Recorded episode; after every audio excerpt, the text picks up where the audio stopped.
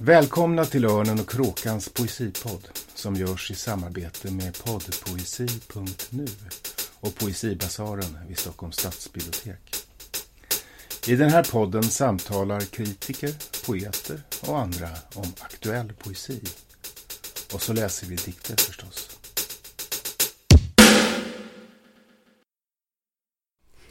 Genom parfymerade brev binder mor mig till sig. Jag stiger upp allt tidigare om morgnarna för att stå beredd intill det känsliga brevinkastet. Mor skriver om slagregn som utsätter skamlösa kroppar för så mycket fukt att de löses upp, märkligen försvinner. Hon undrar om jag skaffat mig nya modersgestalter den senaste tiden. Åtråvärda ikoner. Välkomna! Jag heter Magnus William Olsson och den som ni alldeles nyss hörde läsa en dikt ur sin nya bok var Lina Hagelbäck. Idag är det den 17 juni och vi sitter, Lina och jag, och tittar ut över ett sommar-Stockholm. Det kommer solen fram också och eh, det här är den sista podden för våren av Örnen och Kråkan. Sen tar vi sommar, sommaruppehåll. Och gäst idag är alltså Lina Hagelbäck. Välkommen hit Lina. Tack så mycket Magnus. Roligt att, att du är med. Är du, har du varit med i poddar förut? Nej, det har jag Nej, inte varit. Det är debut. Kul. Mm. Det är bra. Eh, vi ska idag eh, tala om ditt författarskap eh, med anledning av att en ny bok som släpps den 14 augusti va? Eh, men som redan finns i sinnevärlden och som vi har framför oss är på gång. Och den heter Kometkarta. Du debuterade 2013 och det här är din femte solobok Ja. kan man väl säga. Du har också skrivit en bok tillsammans med Ulrika Nilsson. Eh, Och dina fyra tidigare helt egna böcker har Mm. alla titlar som på olika vis viktar relationen mellan violen, den blyga, vackra blomman och eh, latinets violo och violentia som ju betyder kränkning, skändning, Våld. vild och våld, ja precis. Eh, och de här fyra böckerna de heter i turordning Violencia, Violencia och hennes far, Ambivalencia och den förra boken Akut viol. Men den här boken heter alltså Kometkarta. Hur Ja. kommer det sig? Vad, vad är det som... Hur kommer sig titeln? Titeln är en, eh, ett försök till... Alltså själva ordet kometkarta förekommer inte i diktsamlingen. Utan det förekommer... eh, Det är ju så att jaget är poet och hon skriver på sin smutsiga skattkarta. Eh, Och hon... eh, Sen så är det också så att det figurerar en kartbok över kometernas hemliga kärleksliv. Just det. Så att, och den här kartboken är väl något magisk kan man säga. Den kan eh, eh, expandera och eh, visa på utgångar eh, ur en viss och ingångar till, till rymden. Rymden mellan två människor, Mm. rymden utanför två människor. Eh, ja, det finns mycket Mm. mer att säga men det är som eh, Charlotte Kvant säger här, i mitt, precis i början av Kometkarta så har hon skrivit Poeten. Po- poeten Charlotte Kvant har skrivit en jättefin diktrad som står här i början. Eh, det står bara så här. I det fall verkligheten frångår kartan är ändå kartan att föredra. Mm, Just det. Det, det, är, det är tydligt, det kan man förstå. Jag tänker, ska vi, ska vi försöka för lyssnarna beskriva boken lite? Mm. Eh, omslaget, Mm. eh, det är en slags eh, en närbild på ett slags surrealistiskt stilleben kanske man skulle kunna säga. Mm. Eh, som andas någon slags skandalös Dekadens. sinnlighet. Dekadens, ja precis. Päls och pärlor och Ja, kaffebönor och plymer och råa ädelstenar. Sorgtaft är det förstås. den här. Mm. Eller det ser ut som det kunde varit en nätstrumpa också. ja. Nej, det är. Och grönkål, Grönkål är med. Mm. Den är, det, är ett, eh, päls. det är helt enkelt en otroligt sinnlig och allting. Det finns sidentyg eh, i rött Och och uggledun är viktiga. Och uggledun, ja. Mm. ja. Ja, precis. Det, där, det, det, är, det är omslaget. Och så öppnar man boken lite och då så står det till Kristina. Mm. Eh, och Jag tänkte att du skulle få berätta lite. Vad betyder den här gesten som du ofta har i ditt författarskap? Att dedicera dikter. Är det här att du riktar dig särskilt till någon viktigt för koncipieringen? Liksom startar dikterna med en, en riktning till någon eller är det någonting som kommer sen? Hur funkar det där med, med hänvändelsen? Oh, eh, det finns nog en samtidighet, tror jag. Eh, Akut viol dedicerade jag ju till min make Anders Hagelbäck.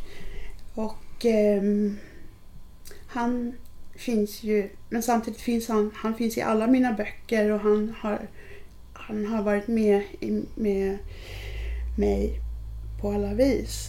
Särskilt i Violencio, hennes far, där, eh, där han visste väldigt mycket om egyptologi. Mm. Eh, Han är historiker och han hjälpte mig mycket med, med fakta kring faraoner och ja, så. Mm.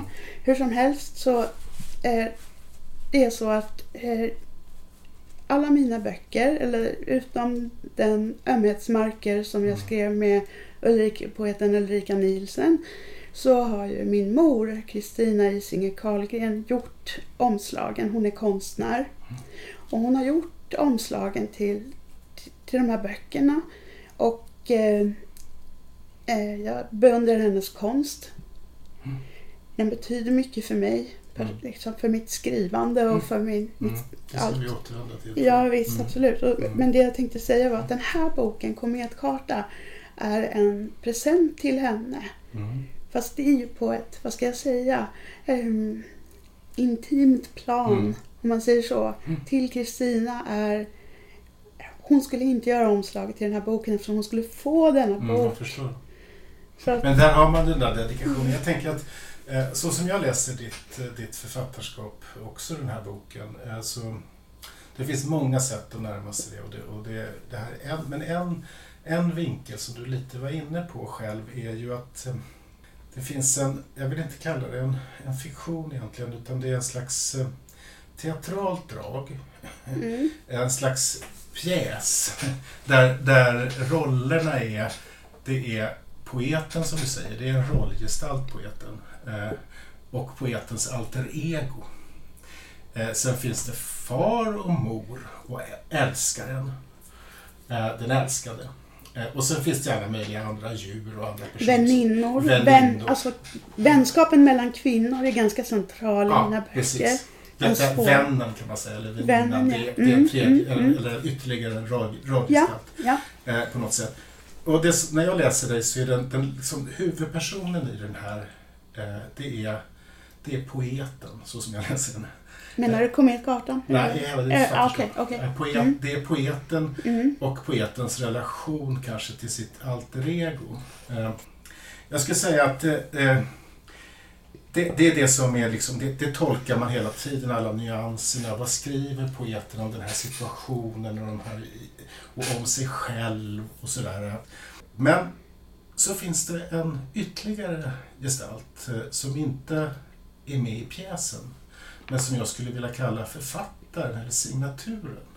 Och om, om poeten är bohemisk och genial och, och alter egot är utsatt för passioner och villor och akuta tillstånd av olika slag så är författaren ganska sval och samlat. eh, och väldigt konstskicklig och medveten och hantverkare. Man ser henne i, i, i, strukt, i liksom hela strukturen till exempel som är väldigt välgjord och till exempel i den här dedikationen. Det är inte poeten inne i, i, i boken som riktar den här dedikationen för att hon kallar hon och alter egos kallar den här Kristina för mor. Ja. Men författaren kommer... Så, och, så där läser jag. Sen finns det många andra sätt att närma sig ditt författarskap. Men, men den här världen som är väldigt elementär och som är eh, psykologisk på ett sätt. Eh, den är liksom grundläggande i, liksom, i hur, jag, hur jag tänker mig eh, ditt, uppbyggnaden av ditt, Mm. ditt poetiska universum på ett sätt. För det är ju någonting, det finns ju någonting som är en relation mellan, mellan liksom den enskilda dikten och enskildheten, kanske också det enskilda ordet och eh, bilden och, vad ska vi säga, berättelsen eller världen på något sätt. Håller du med om det? Ja. Är, är det någonting som du jobbar med? Oh ja. Bildspråket är ju avgörande, Mm. tycker jag. Alltså jag tycker att bilderna som poesi kan... eh, Alltså, om vi säger att eh, det är det som är så ljuvligt med poesi också. Att, att det kan, som alla vet, eh, att, att, att, att det, det är ett koncentrat av så mycket på så liten plats. Mm. Och eh, om jag bara helt... Ja, jag, jag sysslar med... I mitt författarskap så sysslar jag med eh, passion, eh, bilder, bildspråk. Eh, jag eh, arbetar med aggression, våld, eh, sagor, eh, djur. Eh, jag har en... Eh, eh har en eh, stark eh, eh, vad ska jag säga varm känsla för eh, vad relationer gör med människor. Mm. Jag kan helt kort, inom parentes, Mm. bara säga att jag i ett kort ögonblick av mitt liv, några månader, arbetade som läkarsekreterare åt en psykoterapeut. Mhm. Mm, jag skrev rent eh, eh, jättehemliga eh, journaler. Och det, det enda jag vill berätta med det är att varje patient, från barn till gamla människor, äldre, äldre människor, pratar om sin familj. Mm. Olika familjeband, familjerelationer. Det spände över allas liv, allas tider. Det var viktigt. Och så känner jag också med, eh, inte bara familj utan även med vänner, att det är intensivt. Jag är både som person och poet dålig på kallprat och transportsträckor Mm. tror jag. Mm. Ja, nej, det är inte din. Det är inte din. Men det finns den här relationen mellan det, det som du kallar det koncentrerade, det poetiska och eh, vad ska vi säga, den värld, familjen då, som är central, som, som dikterna, som böckerna, som verket har, har liksom... Och overkligheten. Ja, Alltså, jag tänker på redan i Violencia. Jag menar, hon, eh, hon är ju faktiskt delvis vulkan. mm, Och därför, och, och alltid finns naturen, denna kraft, denna... Jag, jag, jag tycker att djuren och naturen är så spännande att forska i poetiskt. mm, Och då menar jag inte någon slags eh, Bo Zetterlind, eh, förlåt, alltså det var inte något mot Bo Zetterlind, men han, han eh, eh, förlåt. Men däremot så menar jag att ehm, naturen är så fruktansvärt sensuell mm, för mig. mm. Alltså bara en vallmo. En vallmo. Sant. Blom, blom, blommor och, och djur. Vi, vi återkommer till det. Mm, Jag mm. tänkte, kanske ska vi... Eh, eh, den här boken, eh, om vi fortsätter med att beskriva den lite efter den här utvecklingen, så den rymmer ju tre avdelningar. Mm. Den första heter Provrum för månar, den andra heter Regn på knä och den tredje heter Nattöppen ateljé. Eh, och du har lovat att läsa några dikter ur varje avdelning. Kanske ska vi börja från början Mm. och välja någon dikt ur, ur provrum för, för månar. Så, Ja. kan, så läsarna får en, Visst. lyssnarna får en, Mm. en, eh, en aning om hur du... Jag kan också kort säga Magnus att eh, början, den här provrum för månar, där har vi ju en extatisk kärlek mellan duet och jaget. Duet är musiker, jaget är poet. De bor i någon slags stad. De är väldigt lyckliga tillsammans, vilda. Ehm, och eh, ja, i första delen så ja, har vi till exempel då den här dikten.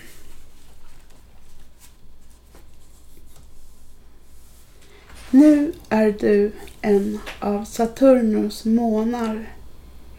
Nu är du naken på fuskpälsen. När olja må- möter år av nytvättade kjolar. När solens strålning träffar ditt ansikte uppstår de flyktiga ämnen som ger grund åt silvriga meteoritregn. När du älskar, var beredd på blodsmaken i att bli älskad tillbaka. Pärlor är sällsynta och förvildade. De passerar den inre delen av solsystemet en enda gång innan de försvinner ut i det interstellära. Där språkmjölken, tvivel, är ett sökande efter njutning medan oro alltid fäller. Mm.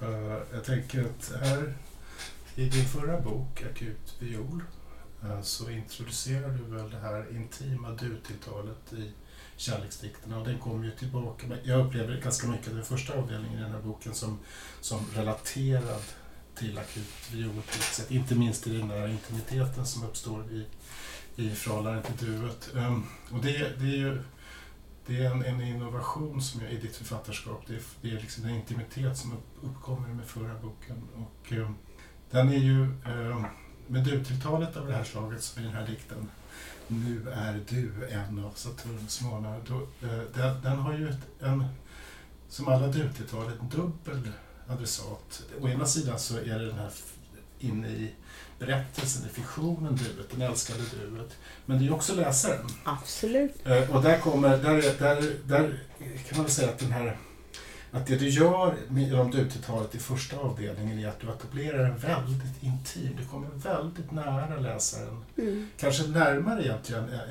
än i akut viol, för där var det så tydligt en älskad, en relation till, mellan två älskande.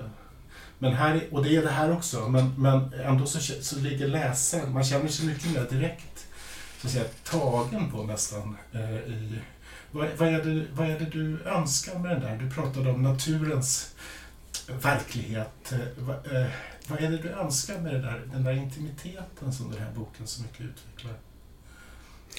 Jag tror att i akutviol var ju duet, eh, eller hela, hela, hela boken var ju ganska abstrakt egentligen. Det handlade om en, eh, om en väldigt, om väldigt trasiga människor. Den var försiktig och abstrakt och, och så sorgsen och um, jag ville också, nu hoppar vi lite, i- jag menar, ambivalensia som jag skrev innan akutviol. Den var ju vild, galen, expressiv som satan. Den var väldigt, eh, eh, ja, eh, passionerad på olika sätt. Ett slags dubbelliv som skildrades där. Eh, och eh, då kände jag med akutviol att det skulle få finnas en vila i Mm. dikten. Det skulle få finnas en känslomässig, alltså att ehm, man kunde betrakta en sjudande myrstack och Mm. lägga sig i den och bli frisk. på något sätt. Alltså det finns ju, det, ja, ja, ja, eller vad var det du frågade om natur? Jo, nej, men jag, tänkte, jag tänkte mest om det där med, med det där duet, den där intima relationen Mm, till mm, läsaren. Det, mm. som, som, eh, jag menar, ofta tidigare, i dina tidigare Mm. böcker så, så är man som, eh, som läsare är man lite grann av åskådare. Mm. Att man ser på det här händer med, med de här personerna i de här relationerna. Och lite grann. Men här, här utspelar sig dikten, eh, poesin i så stor, stor utsträckning i relation just till, just till läsaren, i läsakten på ett sätt. Absolut. Ja. Mm. Eh, Kanske, kanske skulle du läsa en Mm, dikt till? där absolut. vi får en Vi, vi tar en till. Ehm,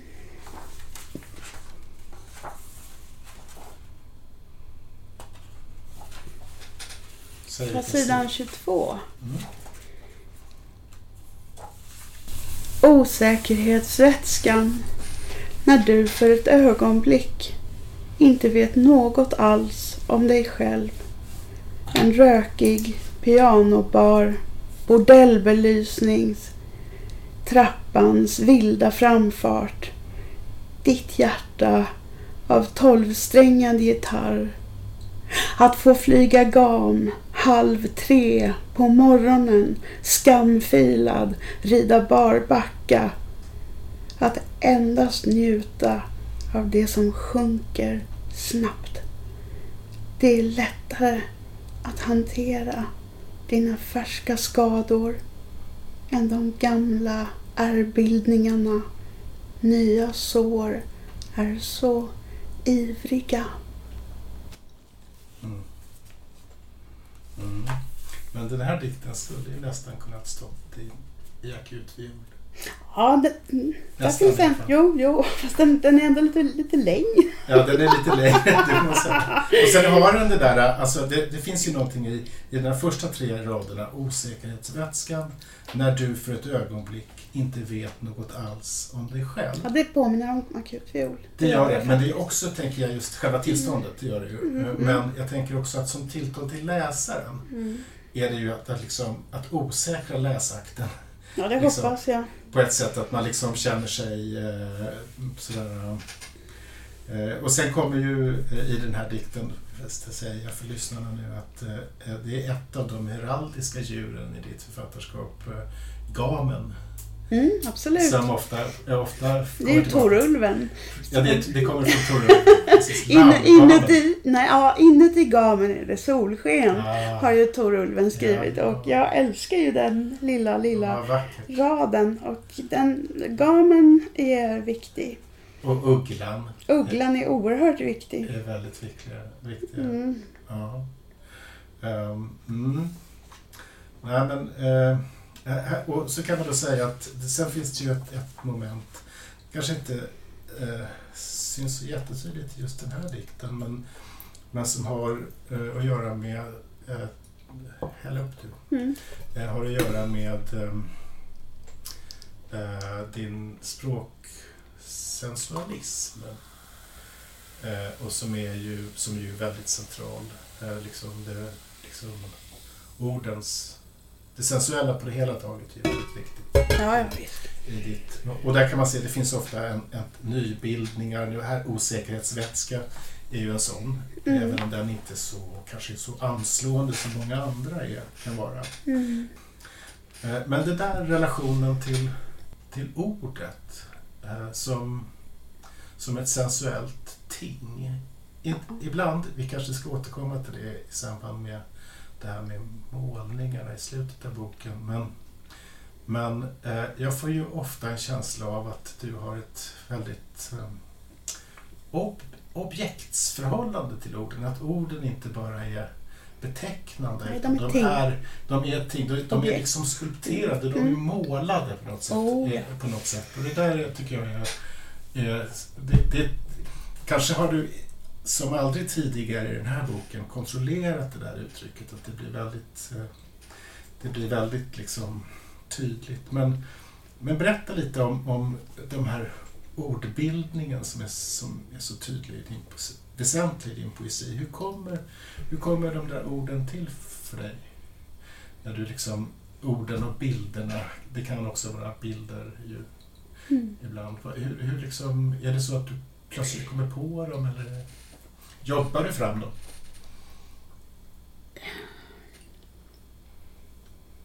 I, I dikten jag läste om de, det känsliga brevnedkastet Mm. finns det ett ord bara där det står märkligen försvinner. Märkligen, jag, jag tycker att det borde finnas precis som, eh, alltså det, det ska ju finnas helt enkelt. Det är en annan, eh, ibland är det bara att jag, att jag vänder lite på ett ord och, eller liksom mm, gör en annan form. Men, men sen finns det ju de här, alltså det var väl det som i början då mitt, när jag gav ut Violencia så var det ju mycket det här med, kring mina nyord och neologismer och så. Men eh, jag tycker väl helt enkelt att istället för metaforer så tycker jag att det är ganska spännande med en eh, eh, marängbalkong. Mm. Tycker- Alltså det är, väl, Mm. det är väl typiskt för mig i början. Där finns det ju, tänker jag, det finns, det finns Mm. några moment. Ett, ibland Mm. finns det som kallas för oxymoron som är liksom motsägelse. Jag tror att jag skrev upp då. Mm, Det, till mm, exempel, eller en, en smaragdsvarta skriver du på ett ställe. Ja. En slags paradox. Eh, sen kan du skriva en bild som är starkt surrealistisk som liksom påminner kanske om Magritte. Mm. Sånt där. mm. Alltså, du är molnfri mellan skulderbladen till exempel. Det är en sån. Och så finns det en slags eh, sinnliga metaforer, en tredje typ av, av ordbildningar som till exempel eh, minimal muräna. Mm. Att när du liknar tungan vid en min, min, minimal muräna Mm. till exempel som är liksom en slags ehm, mm, ja, en, en, ett sätt att, att eh, göra språk, att språken står fram som små skulpturer i egen rätt, eller vad ska säga i, i texten. Men de har päls! Ja, men de har ofta päls. Det är sant. De har ofta päls. Mm. Det har de också när de är i munnen kanske. Oh ja, Ja. Mm. päls är viktigt. Eh, jag, tycker om alltså det fysiska med orden. Det, det, det, ex, det expres, alltså jag, jag vill inte gömma ord. Det är inte därför jag är poet. Jag, jag känner att de måste få undersökas och växa och kanske eh, bli galna på, på vägen eller men det är väl inte så att jag har samma violensia eh, besatthet av att skapa nya ord utan nu är det väl så att de kommer mer nu, ska jag, nu vet jag inte exakt vad jag ska ta upp för, för exempel här men eh, bara, o, bara meningen regn på knä Mm. är ju det är inte ett nyord men det är i alla fall en bild av ehm, Mm. Den är ju både, på ett sätt är det ju självklart, för att regnar det så är det klart att det regnar också på knät. Mm. På ett sätt. Men Fast jag tänker sidan, att hela regnet är på, ligger på knä. ligger på knä, Ja, precis. Jag ja. tänkte säga, det är den Ja. andra liksom, Mm. eh, delen av den där, Mm. eh, den där dubbelheten är ju ofta, den är väl ehm, Ja, ambivalentia är ju Mm. ett uttryck för det.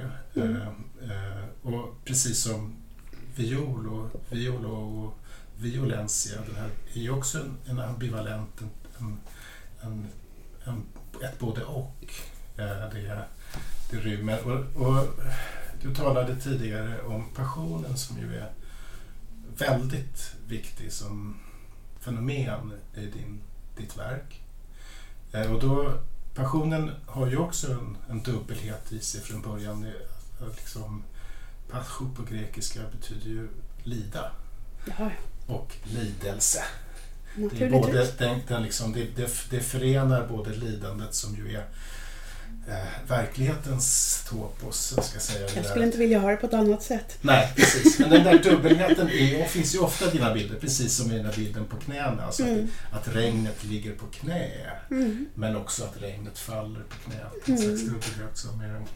Eh, vad, vad, ja, vad, vad tänker du den där... Nu börjar jag tänka på ambivalensia bara för det. Mm. För att det, det är en av mina galnare böcker. Men den är... Det handlar ju om en, en eh, kvinna som är på jakt efter sitt yngre jag. Så det är ju en slags eh, berättelse om att eh, ambivalensia är huvudpersonen då, precis som violensia i min första bok så är ambivalensia huvudpersonen här och Och eh, där eh, blir det ju så att hon har ju tagit livet av sig. Mm. Men vakna, alltså det börjar ju med att hon vaknar i en säng som just har haft verkar. Mm. Så hon vaknar ur sitt självmord och vill söka upp sitt, sitt yngre jag. Så det är liksom en, eh, en berättelse, eller berättelse, ja jo Mm. jag är väl lite, jag har ett narrativ, eller liksom, det finns ofta en slags sagoaspekt eller en, en, en eh, prosalyrisk eh, var, eh, version kan man Mm. kanske kalla det för, att stiga ner i om man vill. Eller, ehm, och ambivalentia är ju typisk eh,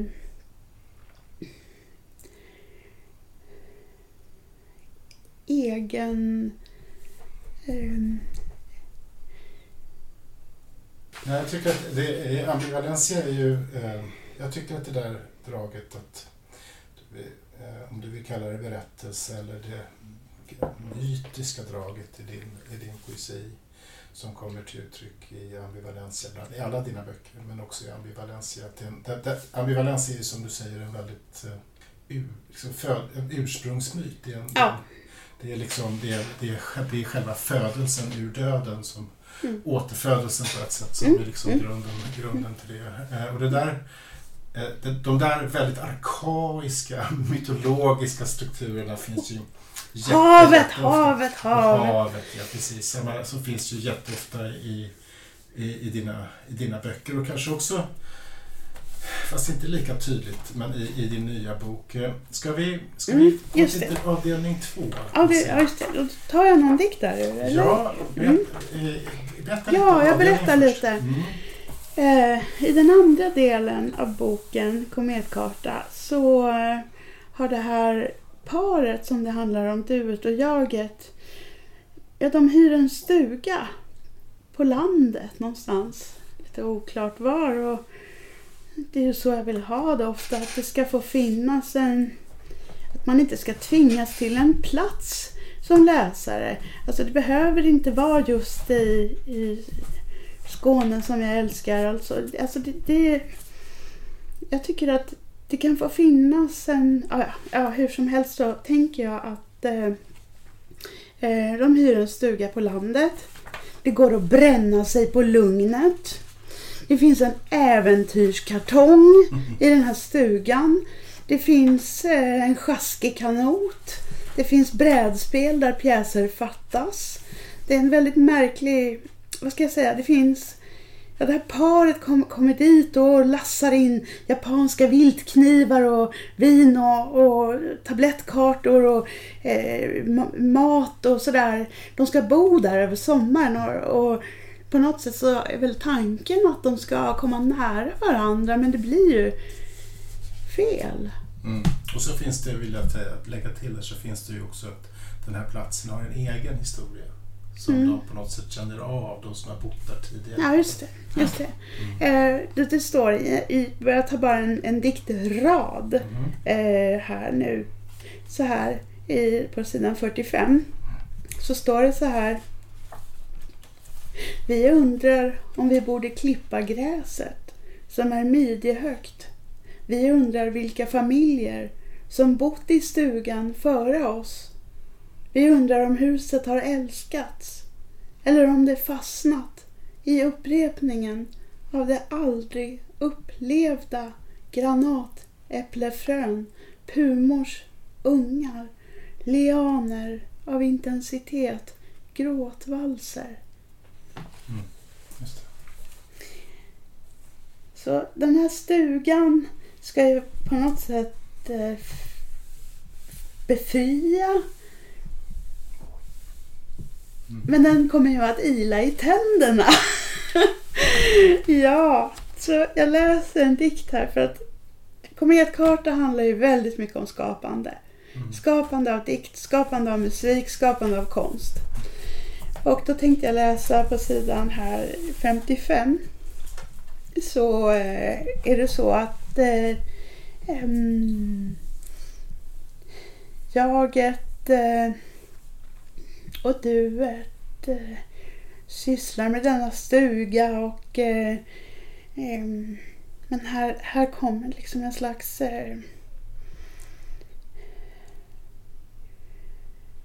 ett sår kommer upp här. Så jag läser dikten här nu. Mm. Dagar av lyckofärgat brus. Skuggor i skära flockar. Katarsismoln. Latinamerikansk 50-talsmusik. Picknick med sprit. Du plockar skalor och mollslingor ur din svarta Yamaha-gitarr. Du sjunger med hes stämma om syskrin och hela liljekomplex på den hallucinatoriska verandan. Jag arbetar med dispositionerna av min diktsamling, försöker möta orden underifrån ur en dykares perspektiv. En ljuvlig skymning drar du ett finger genom kartritningen av min poesi. Rysningar av obehag. Ta inte ifrån mig mina skenbilder, mina rymddjur.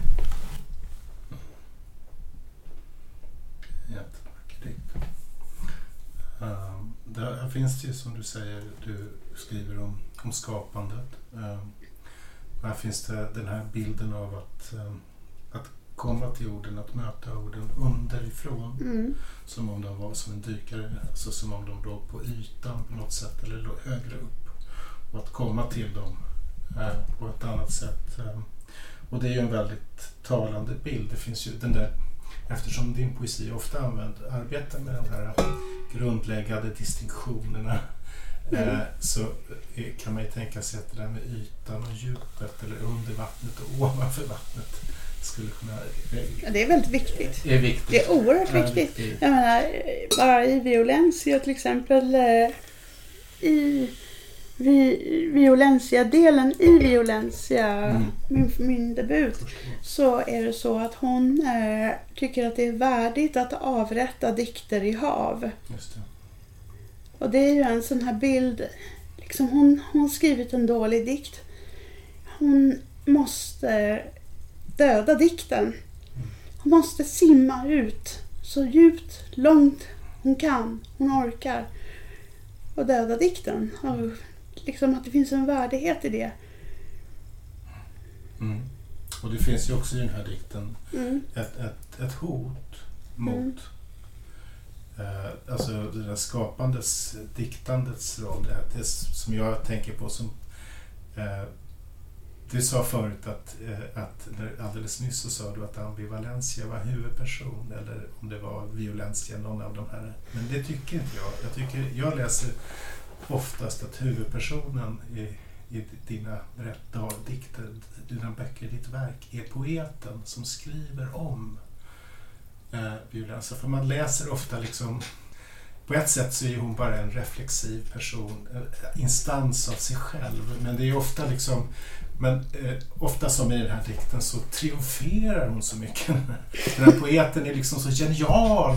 Nej, de är så miss, den är så, hon är så misslyckad! Nej, men det, ja, nej, nej, det är hon inte, utan tvärtom. Alltså den där, Mm. eh, det kan vara så för all del att här till exempel att alter egot som jag kallar den, Mm. eh, hon, hon lider av den där, eh, det, någon drar ett finger genom kartriktningen av min poesi och då Mm. lider alter egot till det. Men det är samtidigt så triumferar ju poeten. Därför att det Självfallet. är en sån... Den, Poeten triumferar alltid. Alltid, precis. Att det finns en sån.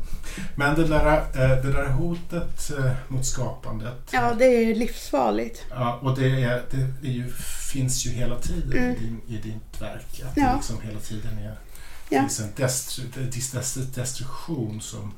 För skapandet är ändå liksom... Urkraften. Ja, det är, ja precis. Alltså det liksom, känns som att det, det, det, det är skapandet som, som är, man äh, önskar sig, som man vill Ja, det är fullständigt preliminärt. Det är liksom alltid. Mm. Eh, och, och så finns det hela tiden det här hotet och det kan vara otroligt små saker, hur, hur liksom någon annan, annan gör eller så. Eller skuggors hårstrå. Ja, precis som du har citerat här i latinska sentensen. Ja. Eh, eh, liksom att det, vad som helst kan det vara som, liksom, som gör att den här skapandet störs eh, på något sätt. Ehm, Det får inte störas. Skapandet Nej. får inte störas. och störs ju alltid ändå. Absolut. Mm. Och det är därför jag tar upp det gång på gång. För Mm. att eh, jag tror att eh, vi lever i en värld där, där eh, poesi... Alltså nu nu är inte jag någon sån här politiskt eh, aggressiv poet men jag tror att poesin har en, en kraft som i många länder och i många tidevarv anses som hotfull. Mm. Den hotar. Eh, mm, för att den är så exakt. Alltså inte min kanske men många poeters eh, Många poeter skriver om sina om, om eh, förtryck, om eh, eh, Ja, alltså jag tror att poesin måste få finnas också i och med att den är en eh, vild rörelse gentemot det stoiska, gentemot det konservativa, gentemot det eh, döda. Mm. Det är det eh, viola, aspekten av poesin också. Mm. Det finns en sån. Ja. Eh, kan du läsa en dikt till ur den här avdelningen? Är den här då? Eh, Nu tror jag att vi ska gå vidare. Eller vänta, jo, jo, jo. Jo, en till ja, men, ska jag läsa här. Titta här. Vilken ska jag ta? Ju mörkare bränsle eller himlen står blickstilla. Eh, 60-61. Vilken ska jag ta? Precis. Jag tror att jag tar 61. Okej. För att den är, den är ju Mm. stram. Som Mm. många efterlyser. Eller jag menar det finns. Jag har ju blivit kallad för en eh, e- explosiv eh, typ i poesin och då tänker jag att den här eh, dikten är ganska stram. Men den handlar samtidigt om skapande. Jag läser. Himlen står blickstilla, öm som en fallfrukt. Jäsande asteroider, Gullregnet. giftiga ärtskidor.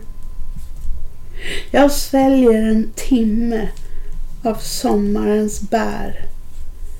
Dricker te som heter dystopiska hjältar. De chiliröda dikterna bränner på tungan medan min skräck för att bli obegränsad pågår. Mm. Ja.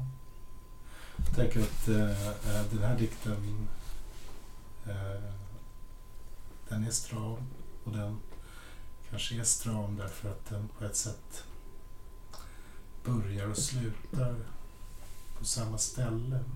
Mm. Eh, Det obegränsade, rädslan för det obegränsade och himlen är ju på ett sätt Obegränsad. är det obegränsningens Mm. liksom själva bild. Mm. Det finns en slags eh, Mm. Och förstås eh, första raden, himlen står blickstilla som är... Ja, det är en slags kontroll, försök till kontroll. Ja, Alltså, Mm. snälla himmel, stå blickstilla! precis, precis. Det är så.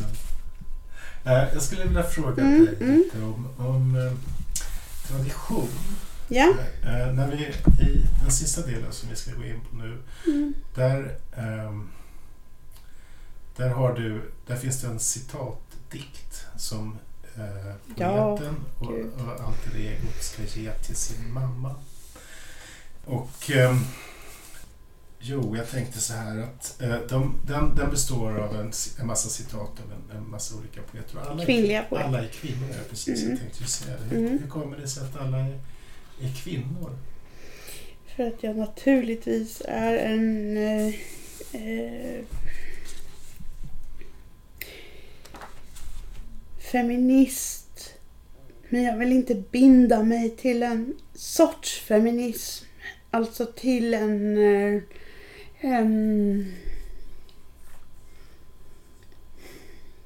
alltså, eller så kan vi säga så här.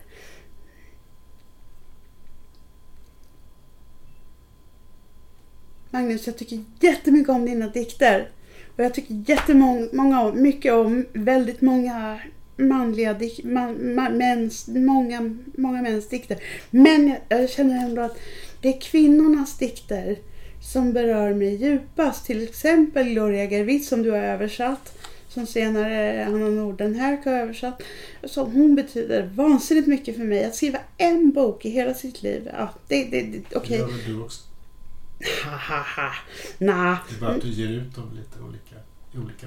Det Nej, jag tycker inte det. Jag tycker faktiskt att jag på något vis växer. Jag hoppas det. Tycker du att Kometkarta är exakt likadan som Nej, men Violencia? inte, inte heller Migraciones är ju likadan. Nej, den växlar. Jag bara tänker att ibland skriver man, eh, förlåt nu är Ja, helt på nej, men det är lugnt, det är lugnt. Men på ett sätt är tänker jag liksom, man fascineras över att hon har skrivit på samma dikt. Men det gör ju alla konstnärer. Man jobbar på samma Jo, jo, jo, jo, jo. Men samtidigt så, så finns det schackspelare som faller i gråt. Jo. Jo, jo. Nej, men precis. Nej, det där var en, en helt... En annan, men, Nej, men för okej. att återvända Ja, till den. Okej, jag ska med- läsa en dikt eh, ur tredje delen. Nej, jag skulle vilja Nej. återvända till den okej. traditionen. Ja, tradition. Eh, Därför att sen finns det ju, tänker jag, det finns ju en... Jag tänker på också svenska, andra svenska poeter som inte är med i citatdikten. Mm. Eh, till exempel Margareta Renberg. Eller också kanske Elsa Grave. Elsa Grav, alltså båda de poeterna är jättefina men, men eh, och det finns liksom, jag skulle kunna ha skrivit den här Ja, är eh. Ja, eh, collagedikten mm. liksom runt massor Mm. med andra. Ulrika Nielsen Ja. skulle varit med och Mara Li skulle varit Absolut. med och ja, jag. Renberg och alltså, jag att- Lill-Pers som jag Förstås. älskar. Mm. Ja, men det vet ju du. Ja, du men alltså jag var, ju tvungen, jag var ju tvungen att och, Ja, och liksom... ja, ja. Det var, jag menar inte alls den där dikten utan jag tänker mer Mm. på liksom... Men ska jag Var- läsa var- hyllningsdikten? Här, Ska jag göra det? Om Det du vore vill. ju Ja, om fantastiskt. du vill, gör det. För det här är... För det här Här är är... ju tredje avdelningen. Då ska Ja. vi säga någonting om den avdelningen kanske också. Mm, mm. Det här är så att eh, när jaget har eh, lämnat duet så åker hon hem till sin mor som hon inte har träffat på ett år. Och eh, de eh, har en mycket laddad relation. Eh, förstås, alla relationer jag beskriver är väl för helvete laddade. Och eh, det är på gott och ont. Jag menar, jag, jag menar inget illa med att det är laddat. Men den här dikten som jag ska läsa nu eh, är en hyllning till mina systerpoeter, mina systrar, min, mina mödrar, mina influenser. Det här är ju laddat alltså. Mm. Den ingår också i, eh, för att eh, ge lyssnarna en... Det, det, det, det berättas i en tidigare dikt att den här, den här dikten förbereds som en gåva till modern som är, som är en annan eh, som är då den viktiga gestalten i tredje delen. Eh, Och eh, hon är lite tveksam på om hon ska våga lämna fram den till, till modern för att deras relation är ju känslig. Eller så. Och, så, och så gör hon det.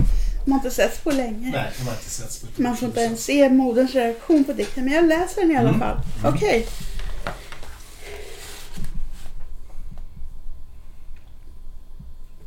Vid det stora skrivbordet i mahogny tar jag fram min anteckningsbok som är fylld med diktcitat och skriver en collagedikt till mor. Låt äggen lysa med ett eftersken som mjölkad sol. Linjer från en atlas över alltidspresen sprider sig som en hemkomst i kroppen. Jag älskar dig. Och där bottnar jag inte.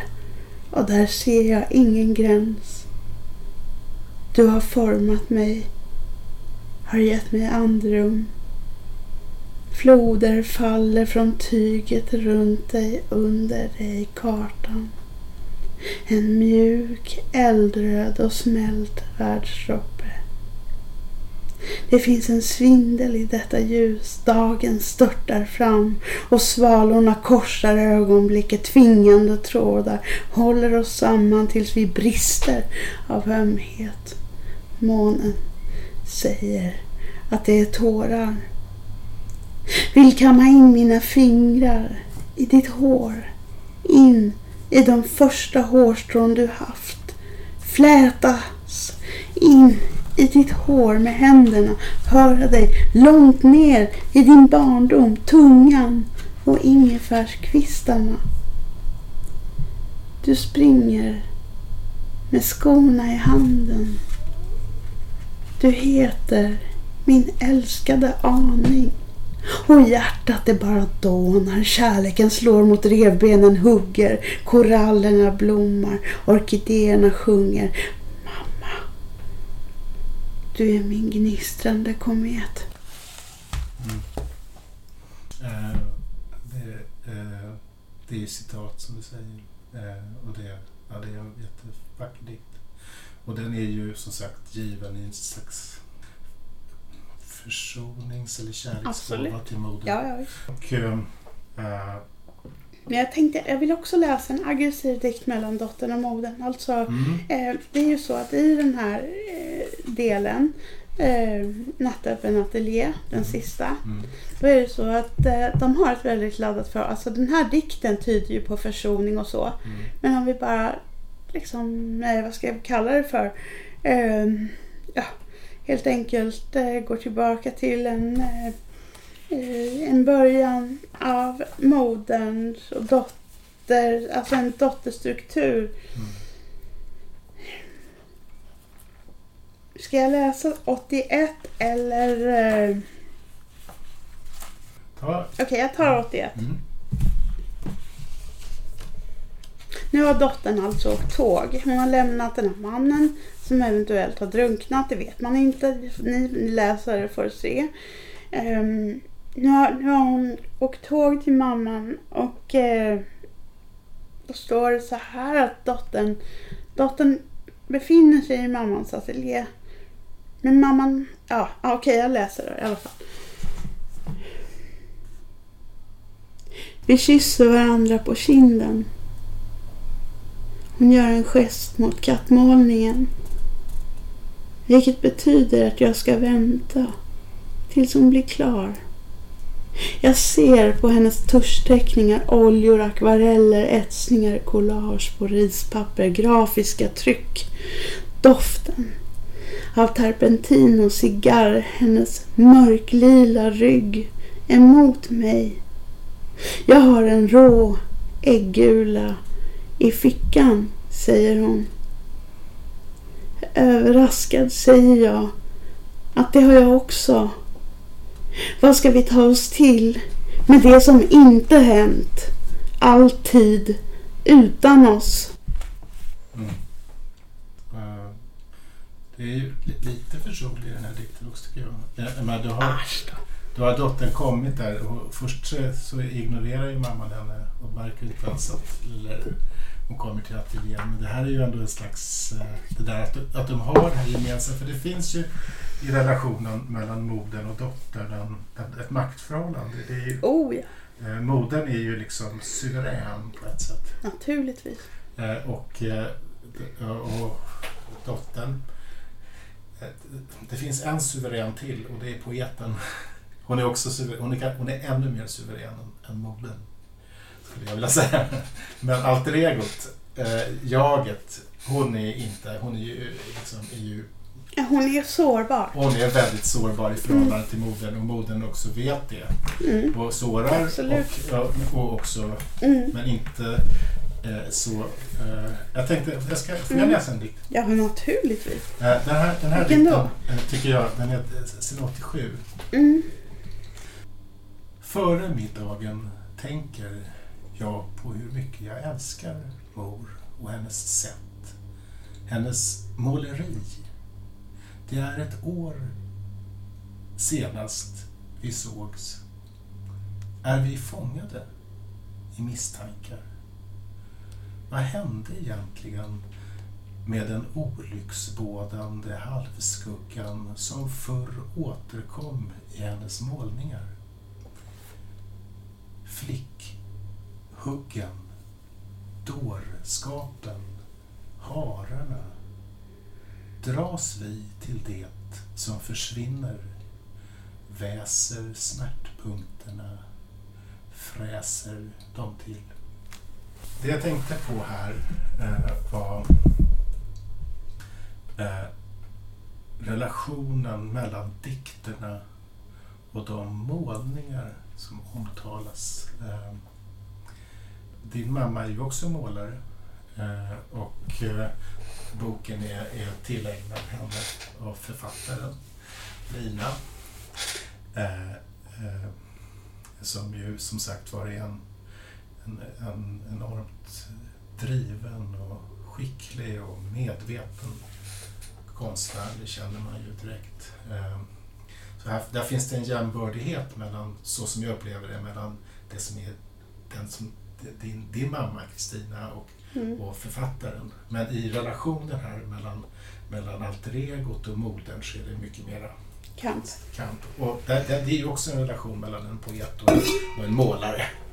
Men Mm. jag undrar, eftersom dina dikter ju har så starkt eh, drag av att vara sinnliga, Mm. eh, som jag sa, målningar eller skulpturer nästan i sig, dikterna och, och bilderna i dikterna. Vilket, vilken relation har du de facto till, till måleriet och kanske i synnerhet till din mors konstnärskap som har gjort alla omslag utom, utom det här.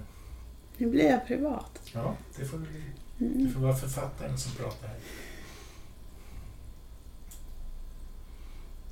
Min mors konstnärskap har betytt så fruktansvärt mycket för min poesi. Ehm, och eh, för mitt liv. Så ehm, även om det här inte är någon jävla självbiografi, Kometkar, det finns ingen, jag har inga så här självbiografiska anspråk egentligen. Men jag har, jag har ändå en erfarenhet som gör att jag kan skriva till Kristina som är min mor liksom på riktigt och sen så har du de här olika varianterna av eh, författare och alter ego och allt möjligt. Men eh, jag, tänkte, av- jag tänkte bara läsa en dikt till eh, Mm. om det går bra. Gör det. Ehm, det här är... Det här är efter eh, att modern och dottern har ätit middag. Nästa dag vaknar jag sent. Kallnat kaffe i espressobryggaren. Mor har skrivit en lapp till mig. Lilla stycke. Kyss eftermiddagen från mig. Jag kan inte hantera den. Var god läs Mirakelkvinnan av Nina Kassian, sidan 43. Inte heller jag tycker om eftermiddagar. De tenderar att fördubblas, laddas med eksem. I fönstervalvet en kejsarskorpion, en pilgiftsgroda, en svart änka. Jag går ut i doften av snabba höstlöv, anorektisk. September, här står jag täckt med allvar genom mors många rökrockar. Ur Nina Kassians diktsvit Förbi middagshöjd, kolon. På eftermiddagen sover kobrorna. I deras långa sömn är bara giftet vaket. Mm. Det är fint. Det är, eh, Nina Kassian är ju den rumänska stora poeten. De som Frön har översatt till svenska. Precis. Eh, Mm. Och den där, hon är ju också surrealist på ett sätt som jag, jag, jag insisterar lite på att det finns ett starkt...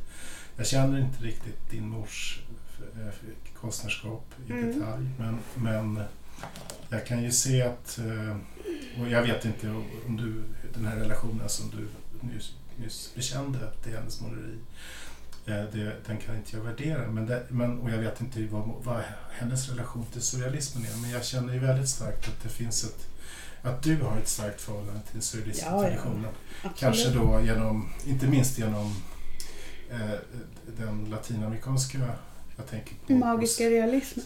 Ja, och, och Silvina mm. Camp och Olga Orozco, eh, Alejandra Pizarnik. Du, du är ju också spans, hispanofil.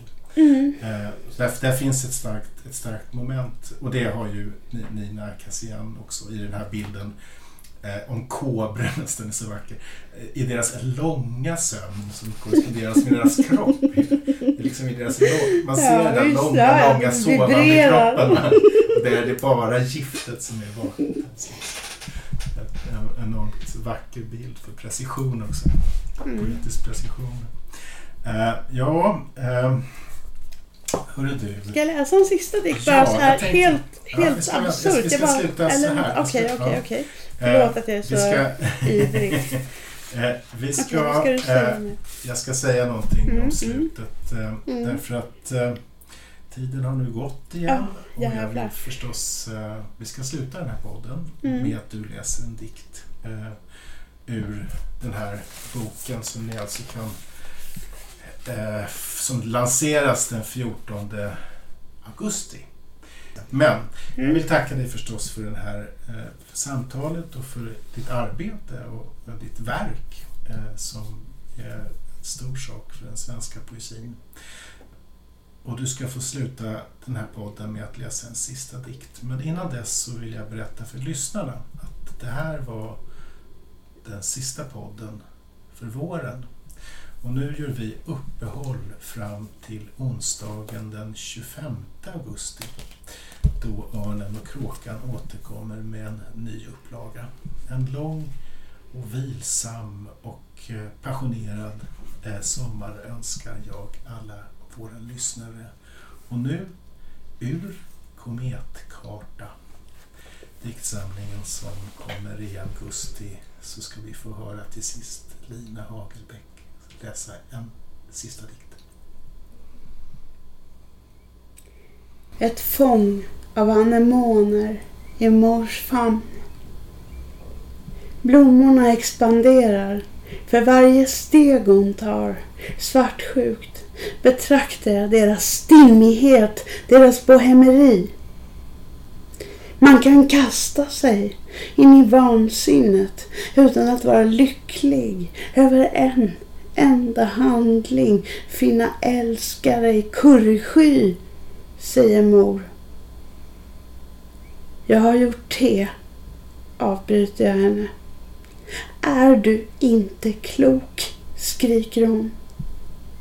Sen kastar hon anemonerna på golvet och faller i gråt som en förlorare i schack. Ditt hår härmar mitt hår, säger hon som om jag slagit henne.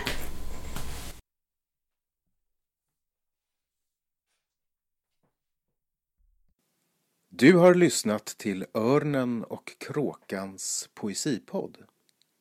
Läs mycket mer om aktuell poesi på ornenochkrakan.se